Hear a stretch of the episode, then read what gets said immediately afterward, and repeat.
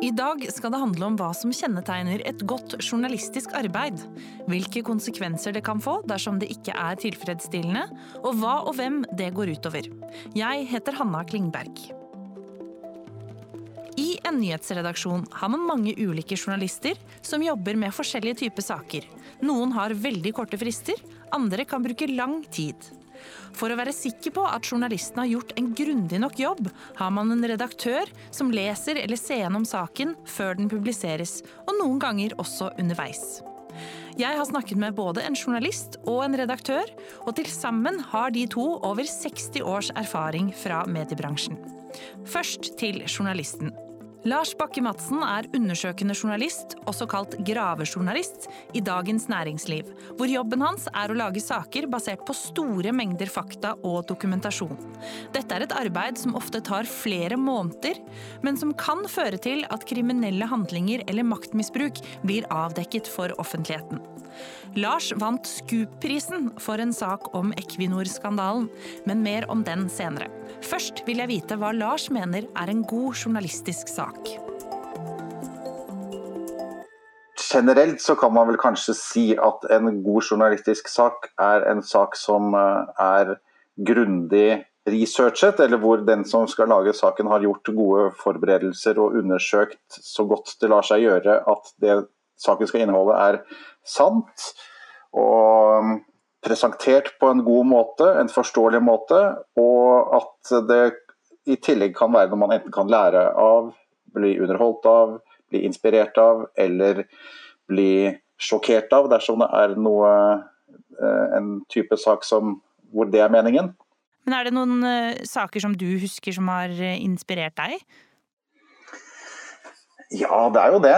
De sakene som både Aftenposten og min egen avis Dagens Næringsliv har jobbet en god del med. Om uh, alt fra pendlerboliger til etterlønn, som det heter, hos uh, norske politikere. Både stortingsrepresentanter og folk som har sittet i regjeringen. Og hvordan de har utnyttet systemet og kanskje ikke har uh, gjort seg tilliten som politikere helt verdig. Den typen saker syns jeg er gode eksempler på at man kan ved et ganske ordinært uh, journalistisk arbeid, ved å søke om innsyn, som det heter, og prøve å kikke politikerne i kortene, har funnet ut at norske politikere ikke alltid gjør det man burde forvente av dem. Uh, og hvor det i ettertid også ser ut til å bli en del opprydninger, som da gjør at kanskje norske politikere i fremtiden vil være mer til å stole på. Og da har man et eksempel på at en Eh, journalistisk sak eller journalistiske saker faktisk har ført til opprydning til noe bedre. Og da tenker jeg at man har truffet ganske mange ting på en gang, da, som i sitt journalistiske virke. Jeg har også snakket med Grete Ruud, som er avtroppende redaktør for NRKs distriktskontor i Oslo og Viken. Hun har mer enn 40 års erfaring fra mediebransjen, og hun har vært redaktør i både NRK og VG. Grete er enig i Lars sin definisjon av hva som gjør en journalistisk sak god, men som redaktør må hun også passe på at alle blir hørt. Altså, den Journalistikkens første bud er jo å belyse saken fra alle kanter. Og Det er vel ofte den som redaktør at du må som journalist så kan man jo ofte bli litt eh, begeistret for én side av saken, kanskje, eller eh, få sympati for den. At det er Som redaktør så er det jo viktig at man er litt djevelens advokat og er opptatt av at det er alle sider belyst. Har alle fått fortalt sin historie? Det Lars var inne på å si at er du sikker på at det er sant? Enkelt og greit. Det må vi være kjempesikre på. Mm. Så er det jo, Jeg liker veldig godt saker som overrasker meg litt, og som um, som jeg lærer noe av. Har du et eksempel? Um, ja, jeg syns uh, vi uh, Jeg har uh, hvilke saker skal jeg tenke på? Vi hadde en sånn hvordan 18-åringer fester. Altså, nå, jeg, nå, har ikke jeg barn som er i den alderen lenger, så jeg ble litt sånn wow, er det sånn de holder på? som NRK publiserte. Men jeg syns også det som Lars nevnte, jeg tenkte på det med, med pendlerboliger og hvordan Eh, politikere eh, bruker de ordningene som, som, eh, som de har, det, det, er jo også lærerikt. Altså, man blir jo litt overraska over en kultur som, som, at, som åpenbart liksom sier at det er jo greit at det, du kan uh, nærmest utnytte det, da. Som redaktør har Grete ganske varierte dager, med mye ansvar. Nei, altså Som redaktør så er det jo eh, I min redaktørjobb så har jeg du har jo mye driftsansvar òg. Altså mye økonomi og strategijobbing.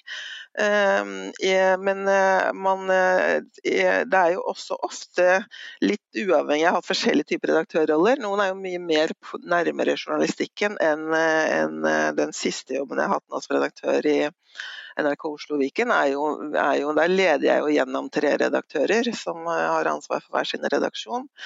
Eh, så min arbeidsdag den, en, en, Det jeg syns er en fin arbeidsdag, er hvis jeg kan jobbe med Jeg liker å jobbe med strategi. Uh, og ikke minst også diskutere altså saker. De kommer som regel på mitt bord når det er snakk om etikk. Uh, jeg er ikke så mye med på idéplanet. Uh, og um, etikk handler jo om Uh, altså, vi, og, og, at vi holder oss innenfor det regelverket som vi i pressen er enige om at det er eh, riktig. Uh, og um, at vi ivaretar det jeg sa tidligere òg, at saken er godt nok belyst. Et typisk etisk dilemma Grete må ta stilling til som redaktør, er identifisering. Altså hvor mye journalisten kan skrive eller si om f.eks. en antatt gjerningsperson i en kriminalsak. Ifølge pressens etiske regelverk, Vær varsom-plakaten, punkt 4.7, må man ha gode grunner til å identifisere en person før vedkommende er dømt i retten. Bryter man reglene, kan man bli felt av pressens faglige utvalg, også kalt PFU. Og der har vi jo PFU er jo helt tydelig på hva, når vi kan identifisere eller ikke. Eh, og så er det det som man veldig ofte blir dømt eller som Det man blir oftest dømt for i Pressens faglige utvalg, er jo manglende tilsvar. Det er jo helt sånn grunnleggende, egentlig, men det må vi passe på hele tiden. Om er det, Har de som blir angrepet, fått lov til å, å si Kommentere hva, de, hva, som blir sagt om dem? Mm. Så er det bildebruk ofte, når det er særlig noe med, med ulykker og hvor det er dødsfall, så må vi jo passe på at, er, eh, at vi tar utsnitt av bildene så vi ikke identifiserer hvis pårørende ikke er varsla. Gravejournalist Lars har også varierte dager. Jeg jobber jo i en redaksjon hvor vi får lov til å jobbe ganske lenge med saker, eller med reportasjer. Eh, så da er det i perioder er det holdt på å si ordinært sånn eh, ni til fem, eller halv fem. Eh, også når vi nærmer oss publisering, eller det vi kaller for å lande de store reportasjene, så blir det ofte etter flere uker gjerne med research og intervjuer og eh, forsøk på å sette seg så nøye inn i reportasjen som sakskomplekset som mulig, så avslutter vi det hele med å begynne å skrive. Og skriveprosessen i sånne store reportasjer, som ofte er på mange sider, det kan ta mange dager. Eh, og etter det så har vi landing med redaktørene, som noe av det Grete var innom. Hvor vi da går gjennom nesten som revisorer og pirker i omtrent alle setninger for å sjekke at ting er korrekt gjengitt, at alle har kommet til orde, at eh, vi er trygge på at vi har tilstrekkelig med dokumentasjon eller beviser, om vi skal bruke det ordet, på at vi kan skrive det vi gjør.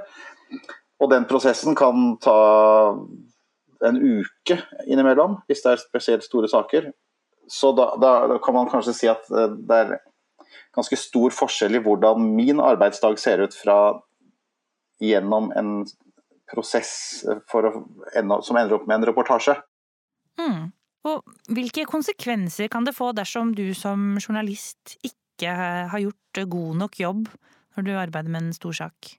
Eh, nei, det kan få ulike konsekvenser. Altså, som Grete også nevnte, så er det eh, noe som heter PFU, eller Pressens faglige utvalg, hvis man har vært slurvete i eh, f.eks. Eh, den jobben man skal gjøre med å hente inn uttalelser og informere alle parter i en sak. Da.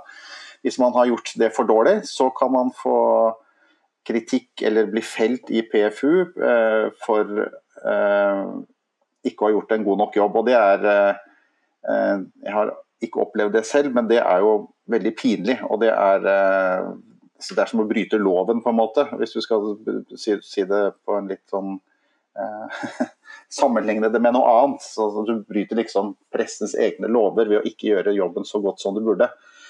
Det er en konsekvens som er flaut. I verste fall kan man bli saksøkt hvis det er et eller annet man har gjort um, uh, for dårlig eller for uh, gjort noe feil. Um, og ellers så kan man selvfølgelig oppleve at folk ikke syns saken er noe god. Få som leser den, eller få som orker å lese den ferdig. Um, ulike typer konsekvenser en dårlig laget sak kan få. Da. Hva tenker du, Grete? Hvilke konsekvenser kan det få, få for deg eller for mediet dersom en journalist ikke gjør god nok jobb? Det, er, det, handler jo Som redaktør så syns jeg jeg har tapt, eh, blitt dømt i PFU en, et par ganger for, sånn, for eh, identifisering i krimsaker. Det er ikke noe gøy i det hele tatt. Eh, og så har vi også noen saker som heldigvis flest av dem, vi, hvor vi ikke er dømt. Men, eh, men, eh, og det vi prøver å få til veldig tidlig, er jo en, at vi tar kontakt med de som er uh, som har PFU og prøver å få til det vi kaller en minnelig ordning. Da. At vi blir enige, at vi kan endre på ting eller rette opp feil eller uh, være i den tida jeg har vært i pressen, og det er som jeg sa, jeg har vært i over 40 år, så har vi nok blitt mye flinkere til å si unnskyld og prøve å finne løsninger når vi ser at vi har gjort feil. Det tror jeg vi mm, vinner på i troverdigheten vår. For å kunne lage en god journalistisk sak må man altså ha riktige opplysninger. Det krever at man setter seg grundig inn i alle relevante fakta. Eller hvor mye har egentlig research å si for kvaliteten på en sak? Jeg spør gravejournalist Lars Bakke-Madsen. Eh, hvis du spør uh, meg uh, si, direkte i forbindelse med den jobben jeg har, så er det helt opplagt det aller viktigste. Altså Det vi bruker klart mest tid på i, når man lager sånne store dokumentarer, da, som det heter, det er jo research. Det kan ta evigheter bare å lese gjennom tilstrekkelig med dokumentasjon et, innenfor et tema for å forstå hva det handler om. Og før man i det hele tatt kan lese den dokumentasjonen, så må man få tak i den. Eh, og det kan ta tid. Bare få tak i den dokumentasjonen man tror man trenger. Og så når man har fått den dokumentasjonen, så må man være sikker på at den er ekte. Eh, altså man må verifisere det, som det heter. At det er ekte og sant, og at man kan tro på det. Og så må man eh, når man har noe dokumentasjon, så trenger man noe mer for å bekrefte noe man prøver å finne ut av. Og så skal man eh, snakke med folk som har eh, kunnskap og innsikt om ulike temaer man eh, researcher eller jobber med. Og det tar tid. Av og til tar det lang tid å få tak i de personene man vil. Andre ganger møter man personer som aldri blir ferdige med å snakke før de kommer til poenget. Det kan ta tid. Det kan være, ja, research er alltid viktig, men i noen journalistiske virker, da, så er det kanskje litt viktigere enn i andre. Mm. Og helt til slutt kan jeg nevne at de som driver de som ofte er de mest kjente journalistene, er jo de som er såkalte kommentatorer. Eh, det kan av og til se ut som de bare skriver noe de mener der og da, men felles for de flinkeste kommentatorene er at de nettopp er blitt kommentatorer fordi de kan så mye om det området de dekker. Eh, og det er noe de kan etter å ha drevet med research da, eh, over mange år, f.eks. Sånn at de har lært seg et tema godt. Mm. Så research er viktig for veldig mange. I 2020 jobbet Lars Bakke-Madsen og en kollega med en gravesak som førte til en avsløring av stor samfunnsmessig betydning. Prosjektet het Equinor-skandalen. Equinor er et av Norges største selskap. Staten eier mesteparten, men også mange nordmenn har investert sparepenger i selskapet. Hvordan Equinor bruker pengene sine er derfor viktig for veldig mange. Og researchen Lars og kollegaene gjorde, viste at Equinor hadde tapt hele 200 milliarder kroner på investeringer i USA. Og mye av dette kunne ha vært unngått. Det journalistiske arbeidet tok nesten et helt år, forteller Lars. Morten Aanestad, som jeg jobber sammen med, han er, har kontoret sitt i Stavanger og har dekket Equinor i alle år som journalist. Han har vært journalist omtrent like lenge som meg, da. Så han eh, hadde eh, sammen med en redaktør. Her var det også en redaktør involvert som eh, snakket sammen om at Equinor, som da for å nevne det, er Norges største og viktigste selskap, og som er selskapet som i årevis har forsynt Norge med såkalte oljeinntekter, som har bidratt til å gjøre Norge til et rikt land. Så det er et veldig viktig selskap i det norske samfunnet. De, han og redaktøren snakket sammen om at Equinor hadde ifølge en del nyhetsartikler, korte nyhetsartikler opp gjennom årene, eh, tapt en del penger i USA. Men det ingen hadde stilt seg spørsmålet om, var eh, hvordan har dette skjedd, og kan vi stole på all informasjonen som har kommet ut? Og Så begynte Morten å se på det, og så fant han ut at dette var en sak som kanskje var større enn det han først trodde. Og da ville han gjerne ha med en kollega eller en annen journalist som da jobber mer med um, dokumentarstoff. Da. Og da ble, slik ble jeg koblet på, og så fikk vi tak i en god del dokumentasjon eh, som viste seg å være svært verdifull. Og så måtte vi sette oss inn i det, og så måtte vi snakke med enda flere folk eh, for å finne ut enda mer. Og så havnet vi til slutt i USA, eh, like før pandemien kom i fjor.